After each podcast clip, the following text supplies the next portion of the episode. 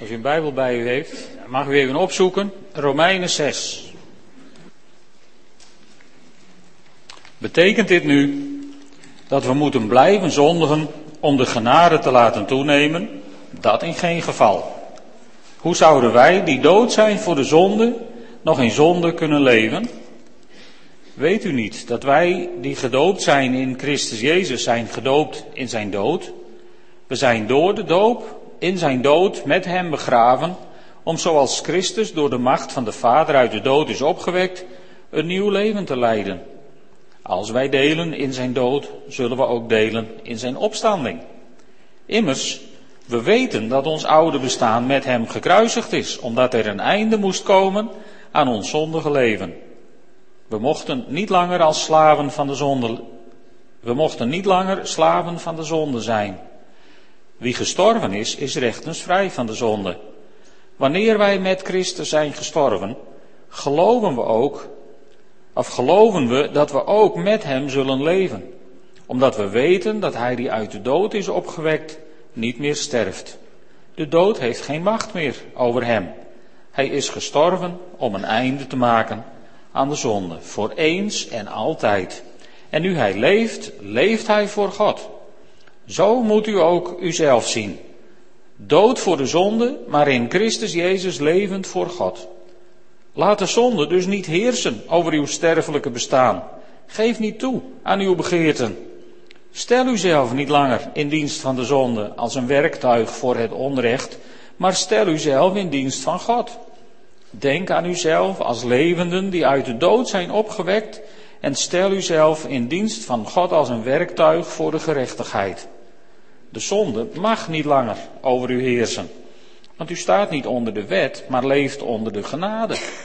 Betekent dit nu dat we vrijuit mogen zondigen omdat we niet onder de wet staan, maar onder de genade leven? Absoluut niet. Wanneer u zich als slaaf in iemands dienst stelt, weet u toch dat u hem moet gehoorzamen? Wanneer u de zonde dient, leidt dat tot de dood. Wanneer u God gehoorzaamt, leidt dat tot vrijspraak. Maar God zij gedankt. U was slaven van de zonde, maar nu gehoorzaamt u van ganser harte de leer waaraan u zich hebt toevertrouwd. En bevrijd van de zonde, hebt u zich in dienst gesteld van de gerechtigheid. Ik druk me zo gewoon mogelijk uit, omdat het anders uw begrip te boven gaat. Zoals u zich ooit in dienst stelde van zedeloosheid en onrecht om een wetteloos leven te leiden, zo stelt u zich nu in dienst van de gerechtigheid om heilig te leven. Toen u nog slaven van de zonde was, was u niet gebonden aan de gerechtigheid.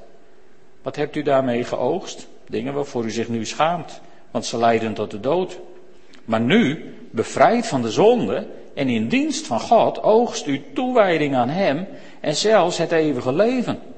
Het loon van de zonde is de dood, maar het geschenk van God is het eeuwige leven in Christus Jezus, onze Heer. We gaan een lied zingen. Hij die de zoon bevrijdt, is waarlijk vrij. En ik daag jullie uit om het staande te zingen. En het uit volle borst te zingen als een geloofsbeleidenis. Hij die de zoon bevrijdt, is waarlijk vrij. Amen, dankjewel. Hij die de zoon bevrijdt, is waarlijk vrij om nooit meer een slaaf van de zonde te zijn. In Johannes 8, vers 36, daar staat wanneer de zoon u vrij zal maken, zult u werkelijk vrij zijn. En wanneer maakt de zoon je vrij? Als je je leven aan de Heer Jezus geeft. Als je, als je afscheid neemt van je leven zonder, zonder God. En beslist om verder te willen met God. Dat is het moment waarop je bij de vrijgemaakten hoort. Hij die de zoon bevrijdt, is waarlijk vrij. Als je ik, ik, las van de week weer eens even terug in een, een oud boekje van Watchman Nee, het normale christelijke leven. En in het normale christelijke leven, daar schrijft Watchman Nee ook over Romeinen 6. Eigenlijk over Romeinen 6 tot 8 en hij zegt er staan vier voorwaarden in, in deze hoofdstukken om waarlijk vrij te zijn. Het eerste is, we moeten weten dat we mede gekruisigd zijn. Zullen we straks naar kijken. De tweede voorwaarde is, het moet voor ons vaststaan dat wij dood zijn voor de zonde, maar levend in Christus. Het vierde is, we moeten ons ten dienste van God stellen. En de vierde is, we moeten in de geest wandelen. Vier hele mooie onderwerpen die hij eruit haalt. Maar we blijven vandaag even bij Romeinen 6. Stel je voor, jullie hebben vast uh, kleine Anne gezien hiervoor bij ons, of kleine Elin, ergens in de buurt van Bouke en Matanja. Als je hun ziet lopen, dan is het een, een wankel evenwicht. Zij gaan nog door het leven met vallen en opstaan. En dat vinden we allemaal heel gewoon. Ze zijn ook zo gemaakt door onze lieve Heer dat als ze vallen, vallen ze meestal op hun achterwerk. En daar hebben we tegenwoordig van die grote dempers omheen. Dus dat land zacht en dat is, daar is prima in voorzien. Maar stel je nou voor, als Elin straks een jaar of 10, 12 is, en die loopt nog steeds niet beter dan dat. Zou je dat als ouders gewoon vinden? Of zou je ze meenemen naar de dokter? En stel je voor, je neemt ze mee naar de dokter. En ze is in de spreekkamer. En ze loopt met vallen en opstaan. Wat zou die dokter dan zeggen? Volgens mij zou die dokter zeggen. Betekent dit nu dat we moeten blijven vallen om telkens weer op te kunnen staan? Volstrekt niet. Dat zou de conclusie zijn van de dokter, hoop ik. En anders zou ik een andere dokter zoeken voor een second opinion. De Bijbel zegt eigenlijk precies hetzelfde. En, en vallen en opstaan, dat, dat is een heel mooi, mooi thema. Want we weten allemaal dat, dat de geest wel gewillig is, maar het vlees is zwak. En dus struikelen we allemaal wel eens. En eigenlijk gaan we inderdaad door het leven met soms met vallen en opstaan. Het, het gevaar van zo'n mooie titel is dat, dat je tevreden wordt met deze status quo van vallen en opstaan. En dat is niet de bedoeling. Het is niet de bedoeling dat we blijven vallen om telkens weer op te staan. Dat in geen geval.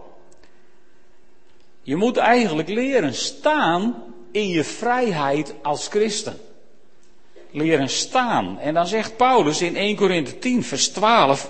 Laat daarom iedereen die denkt dat hij stevig overeind staat, oppassen dat hij niet valt.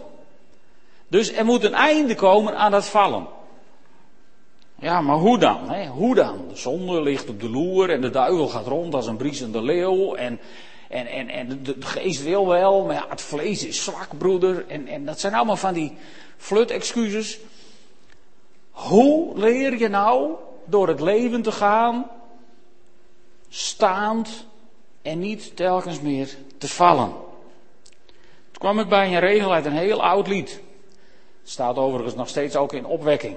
Prachtige regel. Wilt u van zonde en schuld zijn verlost? Daar is kracht in het bloed van het lam. Dat is het recept. Dus ik schrijf als dokter aan het begin van het gesprek het recept. Zo gaat het tegenwoordig meestal. Dus dat is het recept. Er is kracht in het bloed van het lam. En het mooie is, Paulus die zoekt ook de oplossing daar, bij Jezus. In het bloed van het lam. Daar waar de kracht te vinden is. En, en dan gaat hij verder. We lezen heel Romeinen 6 nog een keer door. Hoe zouden wij die dood zijn voor de zonde nog in zonde kunnen leven? Weet u niet dat wij die gedoopt zijn in Christus Jezus zijn gedoopt in zijn dood? Dat is dus de ultieme betekenis van gedoopt worden is sterven met Christus. Daarom hanteren wij ook de doop door onderdompeling. Mensen gaan helemaal onder alsof je begraven wordt met Jezus Christus om in een nieuw leven met Hem weer op te staan in zijn opstandingskracht. Vers 4. Wij zijn door de doop in zijn dood met hem begraven om zoals Christus door de macht van de Vader uit de dood is opgewekt, een nieuw leven te leiden. En als wij delen in zijn dood, zullen we ook delen in zijn opstanding. Oftewel in zijn opstandingskracht. En weet je, die opstandingskracht, dat is iets heel bijzonders. Want wat boze tongen ook beweren, ik geloof en ik neem aan jullie met mij dat Jezus Christus fysiek, lichamelijk is opgestaan uit de dood. Daar kwam geen AED aan te pas. Daar kwam ook geen ambulance aan te pas met allemaal gereedschappen en spuiten en andere toestanden. Nee, dat ging helemaal vanzelf. Die opstandingskracht van God, die autonome kracht, die in staat was om dat dode lichaam van Jezus Christus weer tot leven te wekken, zodat hij uit het graf liep terwijl de steen er nog voor lag. Nou, die bijzondere, bovennatuurlijke, goddelijke kracht is beschikbaar voor jou en voor mij. Dat is de kracht waarin wij geacht worden te leven. Geacht worden te leven.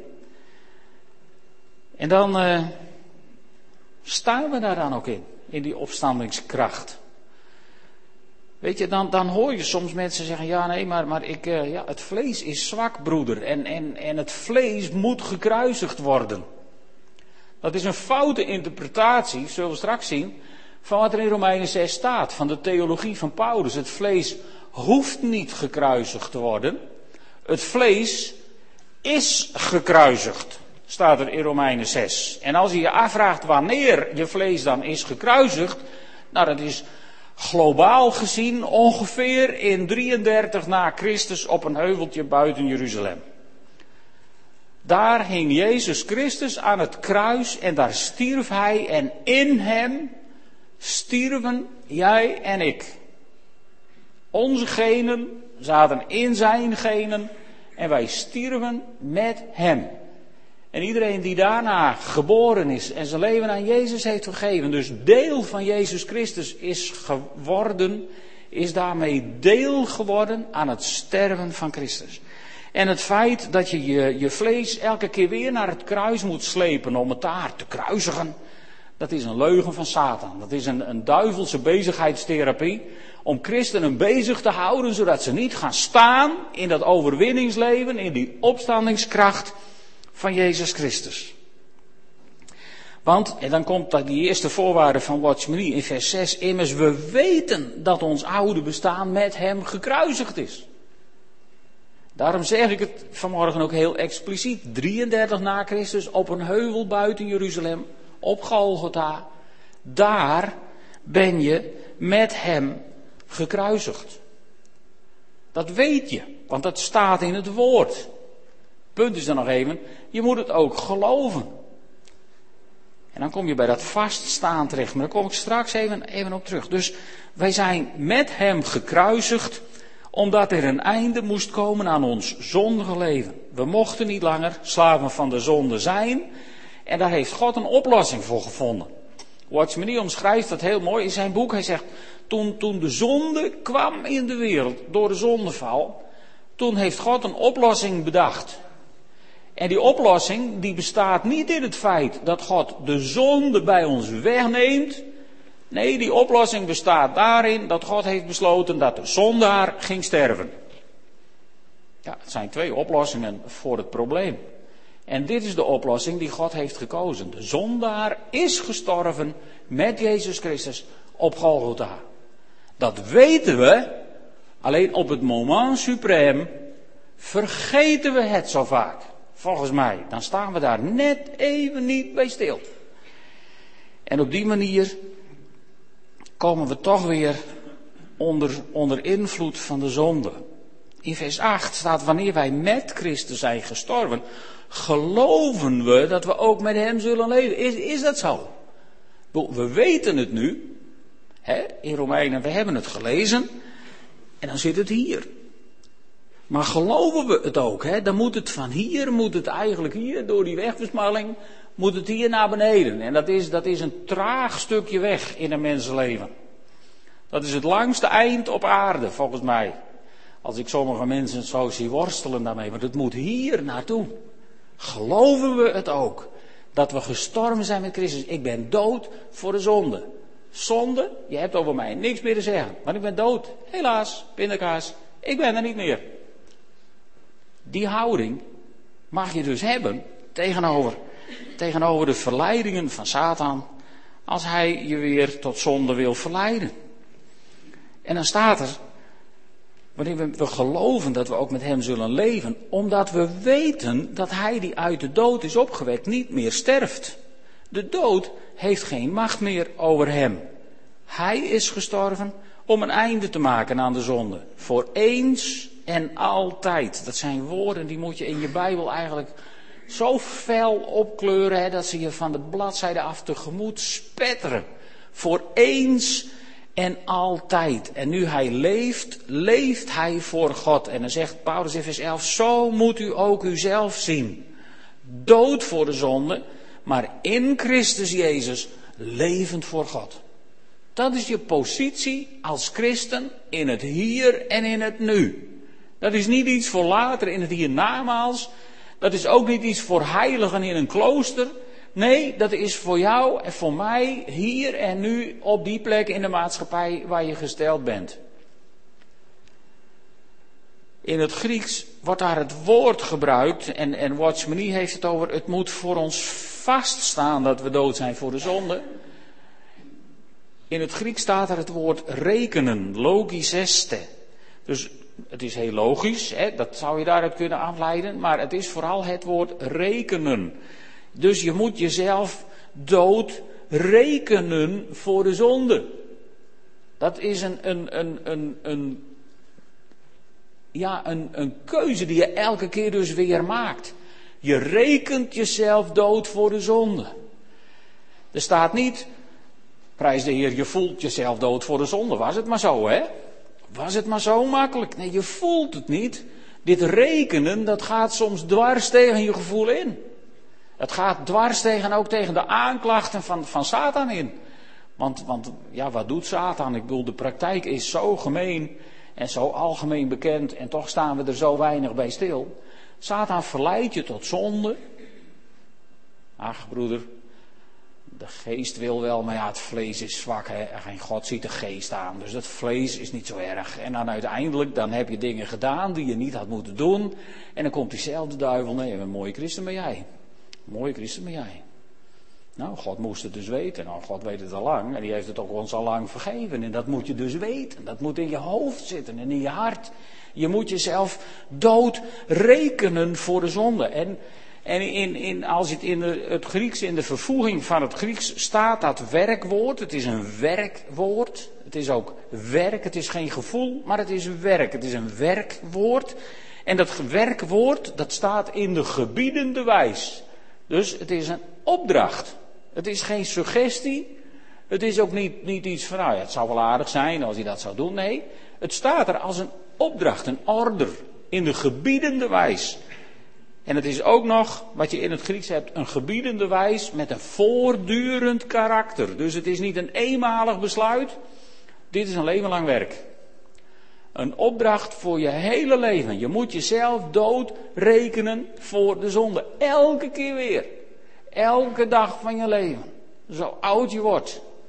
Moet je daar alert op zijn. Dit heeft ook met wapenrusting te maken. Met je wapenrusting aan hebben en je wapens paraat en weten hoe je ermee omgaat.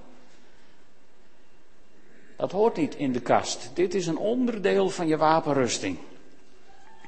Het woord van God als een zwaard om je mee te verdedigen. En dat woord van God zegt, je moet jezelf permanent dood rekenen voor de zonde. Daar heb je je hele leven werk van. En dan staat er in vers 12, laat de zonde dus niet heersen over uw sterfelijke bestaan. Geef niet toe aan uw begeerten. Met andere woorden, wat zegt Paulus hier?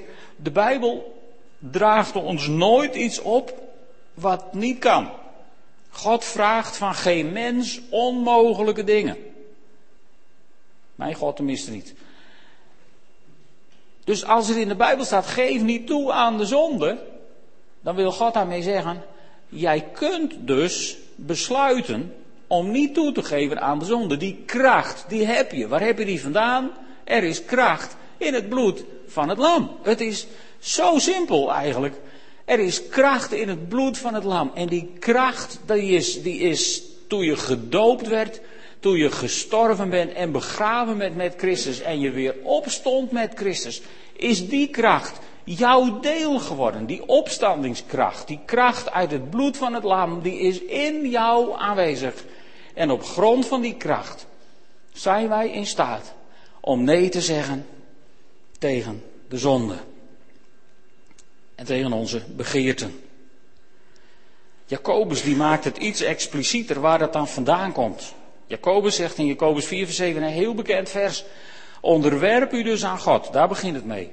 Onderwerp je aan God, verzet je tegen de duivel en die zal van u vlieden, staat er in de NBG-vertaling. In de Nieuwe Bijbelvertaling hebben ze het helemaal mooi gemaakt. Die zal van u wegvluchten. Zie het voor je met de staart tussen de poten. Mama, mama, mama. Dat is het leven wat God voor een christen voor ogen heeft.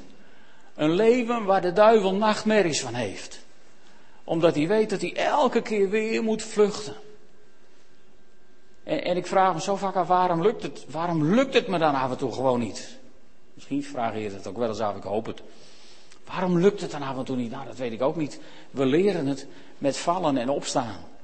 En ik denk dat we het af en toe gewoon niet leren of niet doen, omdat we genoegen nemen met vallen en opstaan. Dat is de valkuil die in, deze, in, in dit maandthema zit.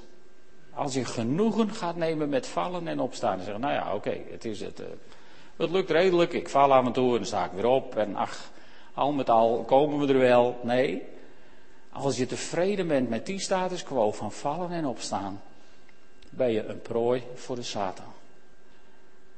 Wat wij moeten worden is heilig ontevreden met een leven van vallen en opstaan. En juist gericht op wat Paulus zegt, als je staat moet je oppassen dat je niet valt. Je moet jezelf doodrekenen voor de zonde, zodat je niet meer bezwijkt voor je begeerten. Je onderwerpt je daarmee aan God. Je zegt van oké heer, volgens uw woord is het niet goed wat ik nu dreig te doen. Dus ga ik, wil ik het niet doen. En daarmee, vanuit die kracht die er in het woord van God is, weersta je de duivel. En zie je het voor je, dan vlucht hij van je weg. Zo hoort het te zijn. Dat is het christelijke draaiboek in de geestelijke wereld. En dan gaat Paulus verder in vers 13. Stel uzelf niet langer in dienst van de zonde. Dus ik ben geen prooi van de zonde. Nee, ik ben geen prooi van de zonde. Nee, ik ben geen slachtoffer van de duivel als ik gezondigd heb. Helemaal niet. Ik heb mezelf in dienst gesteld van de zonde, zegt Paulus met andere woorden. Als ik gezondigd heb, dan heb ik besloten om dat te doen. Dat heb ik misschien niet op tijd in de gaten gehad, omdat mijn geest gewoon in slaap gesust was door al dat gedoe, maar je bent geen slachtoffer, je bent verantwoordelijk voor je keuzes. Stel jezelf niet langer in dienst van de zonde. Want als je jezelf in dienst stelt van de zonde, ben je een werktuig voor onrecht. Ja, maar dat wil ik niet zijn. En dan moet je jezelf niet in dienst stellen van de zonde. Je hoeft het niet te zijn namelijk. Je hebt als christen de power gekregen, de kracht uit het bloed van het lam, om daar nee tegen te zeggen. Maar wat moet je dan, hè? Nou, dan staat er in de volgende zin, maar stel uzelf in dienst van God. Denk aan uzelf als levenden die uit de dood zijn opgewekt en stel uzelf in dienst van God als een werktuig voor de gerechtigheid. Dus we hebben een keuze, lieve mensen. En die keuze die kunnen we niet maken uit eigen kracht. Voordat jullie nou denken van nou, ja, ik moet het, nee. Wij kunnen niet die keuze maken uit eigen kracht. Er is maar één manier om die keuze te kunnen maken. En dat is je leven overgeven aan Jezus Christus. Als het ware genetisch één worden met Hem zodat door zijn opstanding die opstandingskracht ons deel wordt. Dat is de enige, enige oplossing die we hebben op deze wereld in onze strijd tegen de zonde. Er is maar één weg. Jezus Christus en dien gekruisigd. Meer recepten heeft deze dokter niet voor je. Jezus Christus en dien gekruisigd. Dat is het geheim van het normale christelijke leven. In Christus zijn wij gestorven aan het kruis. Dus als de Satan komt met, met, om ons te verleiden, het ja, maar ik heb recht op je. Nee, je heeft helemaal geen recht meer op. We zijn dood. In Christus zijn we gestorven. En in Christus zijn we in een nieuw leven weer opgestaan. Een leven wat vrij kan zijn van de zonde. Want hij die de zoon bevrijdt, is waarlijk vrij. Ook dat staat in de Bijbel. En de Bijbel liegt niet. Wanneer de zoon u zal vrijmaken, zult u werkelijk vrij zijn. En dat staat hier nou misschien wel in de toekomstige tijd. En sommige mensen denken misschien, ja, ja, ja, als ik later in de hemel kom, dan maakt de zoon mij vrij. Nee, de zoon is gekomen, bijna 2000 jaar geleden, om jou en mij vrij te maken. En toen jij en ik ja zeiden tegen Jezus Christus, zeiden, word u maar Heer van mijn leven. Op dat moment zijn we vrijgemaakt. Dat is de realiteit. Dat moet je weten en dat moet voor je vaststaan.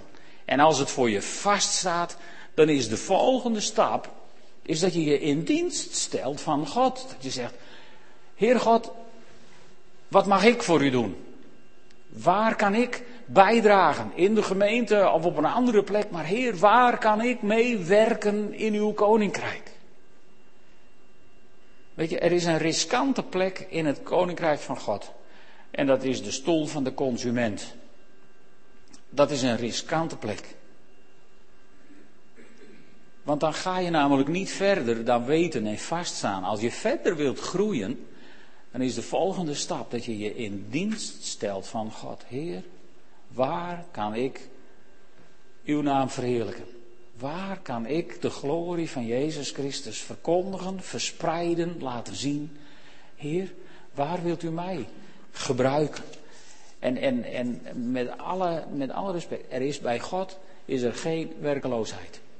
God kan iedereen gebruiken.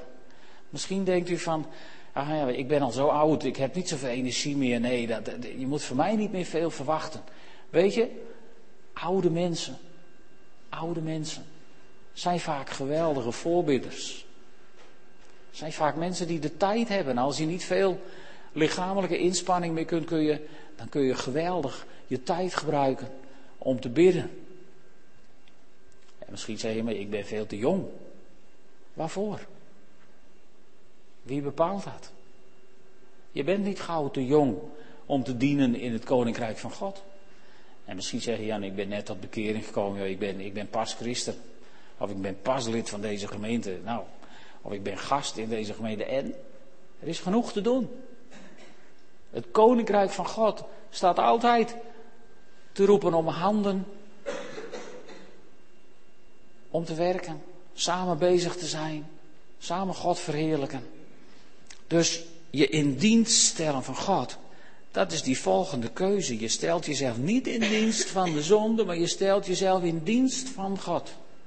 In dienst van God als een werktuig voor de gerechtigheid.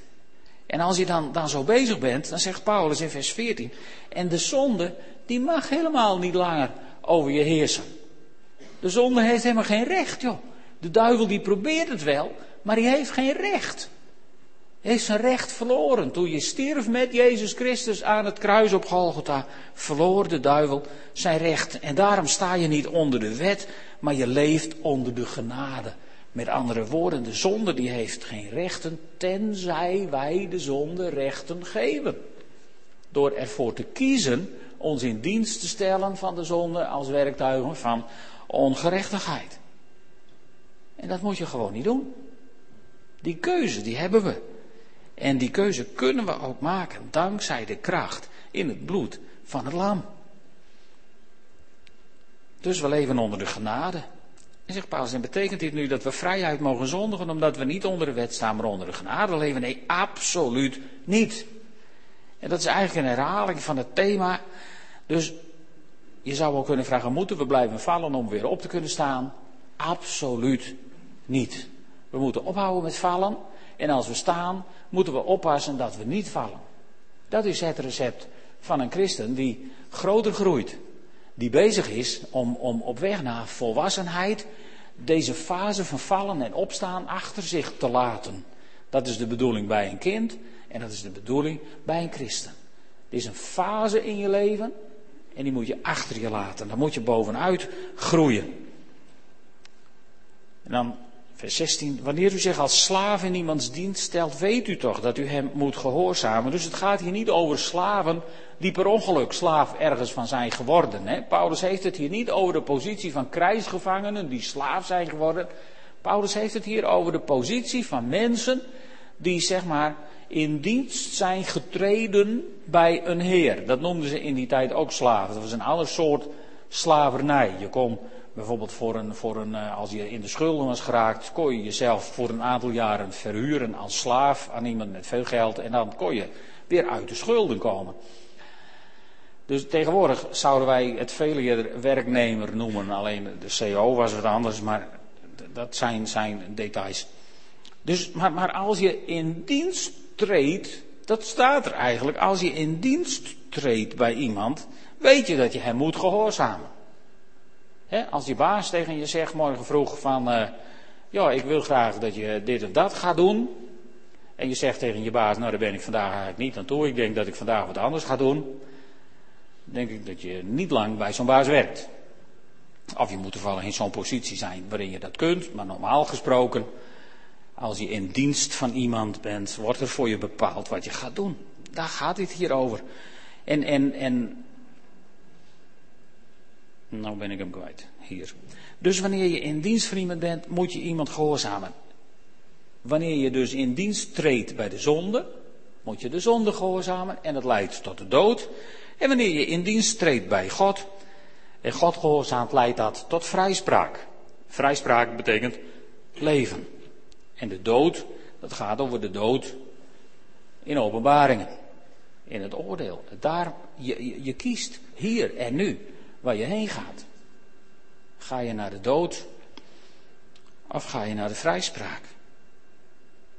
Dat zijn ingrijpende keuzes. En dan zegt Paulus, maar God zij gedankt. U was slaven van de zonde. Allemaal waren we dat. Maar nu gehoorzaamt u van ganser harte de leer waarin u zich hebt toevertrouwd. De leer waaraan u zich hebt toevertrouwd, dat is dus het onderwijs van Paulus. Met name hè, de, de, het Nieuwe Testament. Wat de Bijbel ons leert, daar vertrouw je je aan toe. Daar sta je achter en daar probeer je zo goed mogelijk naar te leven.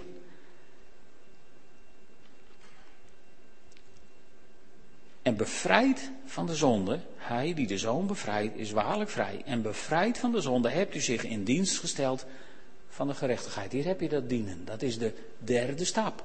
En dat is een belangrijke stap dat je je in dienst stelt van God. Niet alleen maar consumeert uit het koninkrijk van God.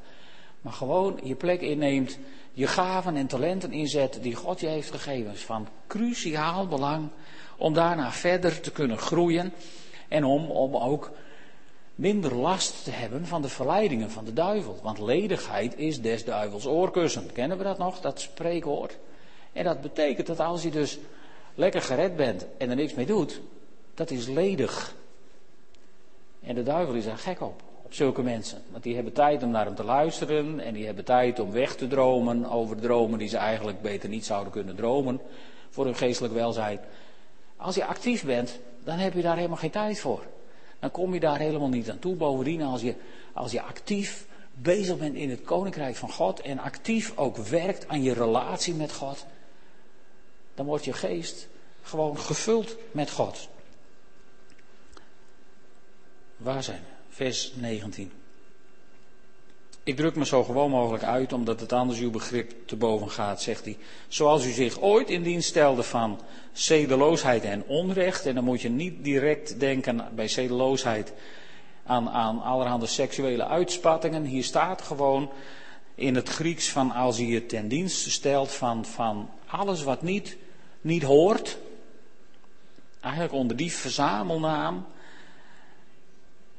Als je je in die dienst hebt gesteld om een wetteloos leven te leiden, zo zul je nu in dienst van de gerechtigheid een heilig leven leiden. Prachtige tegenstelling. Ik weet niet of jullie nog herinneren, een tijd geleden heb ik eens gepreekt over het feit dat jullie, en ik ook, dat wij heiligen zijn. Sommige mensen vonden dat moeilijk te verkroppen, dat wij heiligen zijn. Want wij hebben bij heiligen, zal ik nog een keer uitleggen, wij hebben bij heiligen het idee dat je dan volmaakt moet zijn. Maar alles wat in het Oude Testament geheiligd werd, dat werd niet volmaakt gemaakt. Nee, dat werd aan God toegewijd. Gereserveerd voor God, apart gezet voor God. Dat is wat heilig betekent. En dat is wat Paulus hier eigenlijk ook zegt. Dus als je toegewijd bent aan de zonde, dan ben je een zondaar en dan zondig je. En als je toegewijd bent aan God, dan ben je een heilige en dan leef je een heilig leven. Weliswaar met vallen en opstaan, want elke heilige vergist zich wel eens. En sommige heiligen maken misschien bewust ook wel eens keuzes om toch eens eventjes te zondigen. Maar je weet na de tijd, donders goed, dat je baas, onze Vader in de hemel, God in wiens dienst je je hebt gesteld, het er niet mee eens was. Dat weet je heel goed. En hoe weet je dat? Omdat je in de geest wandelt. Het is die vierde stap van Watchmenie. Je wandelt in de geest. De Heilige Geest is je gegeven als boodschapper van God. En de Heilige Geest spreekt in je geweten en maakt je heel duidelijk hoe het zit. Dus je bent een heilige in Christus. Om een heilig leven te leiden. Toen u nog slaven van de zonde was, was u niet gebonden aan de gerechtigheid. En wat heb je daarmee geoogst? Eigenlijk, dit is, dit is bijna een, een, een aanwijzing om eens even terug te denken aan je tijd voordat je Jezus Christus kende. Nou kon Paulus dat gemakkelijk doen hè, bij die Romeinen, want er waren een hele hoop heidenen bij, die waren net christen geworden. Tegenwoordig zijn heel veel mensen gewoon christelijk geboren en konden daar ook niks aan doen, maar vader en moeder waren christelijk. En toen je daar geboren werd, ja, toen, toen ging je mee naar de kerk en alles. Dus wij, wij hebben minder gevoel, denk ik vaak, van heiden zijn. We hebben vaak ook een minder heftig bekeringsgevoel, omdat we die fase, nou ja, niet zozeer hebben gemaakt, meegemaakt. Maar, maar hij zegt het hier wel. Toen je nog slaven van de zonde was, wat heeft het geoogst? Ja, mensen die daar ervaring mee hebben. Als je in de zonde geleefd hebt, en, en iedereen van ons heeft vast een tijd meegemaakt voordat je de keuze maakte van en nu wil ik toch echt de rest van mijn leven met God doorbrengen. Nou, die fase daarvoor, wat heeft het je gebracht? Was je toen net zo blij eh, als nu? Volgens mij niet. Volgens mij niet. Dus, dus daar gaat het over. Kijk eens even terug naar de tijd voordat je Jezus kende als jouw verlosser en zaligmaker. Nou, dat was helemaal niet zo leuk. En, en dan zegt hij, maar nu, bevrijd van de zonde en in dienst van God, oogst u toewijding aan Hem. Dus door God te willen dienen, groeit je toewijding aan Hem. Dat is wat hier staat. En, en waar leidt dat toe? Dat leidt naar het eeuwige leven. Het loon van de zonde is de dood, maar het geschenk van God is het eeuwige leven in Christus Jezus, onze Heer. En wanneer is dat begonnen? Toen je ja zei tegen Jezus. Vanaf dat moment zijn wij eeuwigheidskinderen. En weet je, dit, dit is diezelfde keuze die Mozes en Jozua bijvoorbeeld in het Oude Testament het volk voorhouden. Als Mozes zegt van, van nou ja, iets met twee bergen is dat. En dan leest hij ze voor wat je allemaal moet doen om, om God te dienen. En dan geeft hij al die zegeningen die dat voortbrengt. En dan noemt hij allemaal dingen waarmee je God niet dient.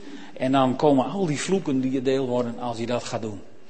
En dan stelt hij het volk voor de keuze. Jullie mogen kiezen. Het is een keuze tussen leven en dood. Het is een keuze op leven en dood. Je kiest voor Jezus en het eeuwige leven. Of je kiest niet voor Jezus en de eeuwige dood. Dat is eigenlijk, meer smaken zijn er niet in het hiernamaals. En, en dat is de keuze die je maakt. En Jozua die zegt dan in Jozua 24 vers 15, joh, Kies dan heden wie je dienen wilt. Maar ik en mijn huis, wij zullen de Heer dienen. Kies wie je dienen wilt. Als je dat nog nooit gedaan hebt misschien ben je gewoon ook net als ik christelijk opgegroeid. En ben je nog nooit op dat moment gekomen waarop je werkelijk zei van ja, toch nu wil ik beslissen. Ik wil de rest van mijn leven met Jezus verder. Kies dan eens wie je dienen wilt. Want als je niet kiest wie je dienen wilt, kies je ook wie je dienen wilt. Dat is wat cryptisch, daar ga ik het nu niet meer over hebben. Tot slot, wat moeten we dan doen? Hoe geef je dit nou praktisch handen en voeten? Volgens mij vat ik het zo samen. Je moet beleiden wat je gelooft en geloven wat je beleidt. Beleiden wat je gelooft is heel simpel. Dat spreek je gewoon uit. Maar je moet het ook geloven. Met andere woorden, we moeten het weten en het moet voor ons vaststaan. En als de duivel je verleidt, probeert te verleiden om iets te doen wat niet goed voor je is. En dan heb ik het niet direct over iemand doodslaan of dat soort dingen. Maar de duivel probeert je ook te verleiden, misschien wel om op je computer toch net even naar die ene website te gaan waar je niet zou moeten komen. Of die probeert je als je aan het zeppen bent op de televisie misschien te verleiden om even te blijven kijken naar waar je niet naar zou moeten kijken. Of die probeert je even te verleiden als je, als je, als je bijvoorbeeld problemen hebt met, met snoepen of dat soort dingen, om toch even te proeven aan datgene wat je eigenlijk niet zou moeten eten, omdat het zo slecht voor je lijf is. Dat soort kleine dingen. En daar begint de duivel. Die begint niet met die hele grote dingen. Die begint met die akelige kleine dingetjes. Of hij zegt op zondagmorgen van, joh, weet je wat, je werd zo hard gewerkt van de week. Misschien, misschien is het beter voor je, draai je lekker om, slaap even uit. Allemaal van dat soort, van dat soort dingetjes. Probeert de duivel je te verleiden. En als je wat, wat gevoelig bent voor depressiviteit, dan kan hij ook heerlijk je zo komen van, nou joh, het is vandaag een rotdag joh, en uh, iedereen is tegen jou. En, en, en, en nou, nou, ik, Bijbel dat doe je maar op een dag dat je je wat beter voelt. Weet je wel, dat soort, dat soort akeligheidjes begint het altijd mee. En, en ik heb voor mezelf ontdekt van hoe, hoe, hoe ga je daaraan tegenin? Nou, dat zijn een paar hele simpele dingen. En die staan in Romeinen 6. Ik ben geen slaaf van puntje, puntje, puntje. Nee, ik ben een slaaf van Christus. Halleluja. Ik ben niet verslaafd aan eten, aan roken, aan alcohol, aan pornografie, aan noem het allemaal maar op. Ik ben niet verslaafd. Ik ben geen slaaf van. Ik ben een slaaf van Christus. En als je op momenten van verleiding de Satan in zijn gezicht weet te zeggen: Ik ben een slaaf van Christus, dan zal hij van je weg vluchten. Heeft Jacobus ons beloofd. Want als hij zegt: Ik ben een slaaf van Christus, dan zeg je tegen jezelf: Ik ben verantwoordelijk voor de keuze die ik maak. Ik neem die verantwoordelijkheid voor die keuze die ik maak. En ik kies vandaag om niet te doen wat mijn gevoel me ingeeft. Want in je gevoel zit vaak meer van de duivel dan je denkt. Kwam hij maar als een bries en de leeuw, dan was het allemaal niet zo slim, hè. Had hij maar bokkenpoten en een horens op zijn kop en een lange staart onder zijn driedelig pak vandaan, dan was het allemaal zo simpel. Maar het komt zo, zo, zo glibberig, komt het binnen, op je schouder zitten. En wat zeg je dan? Ik ben een slaaf van Christus. Amen.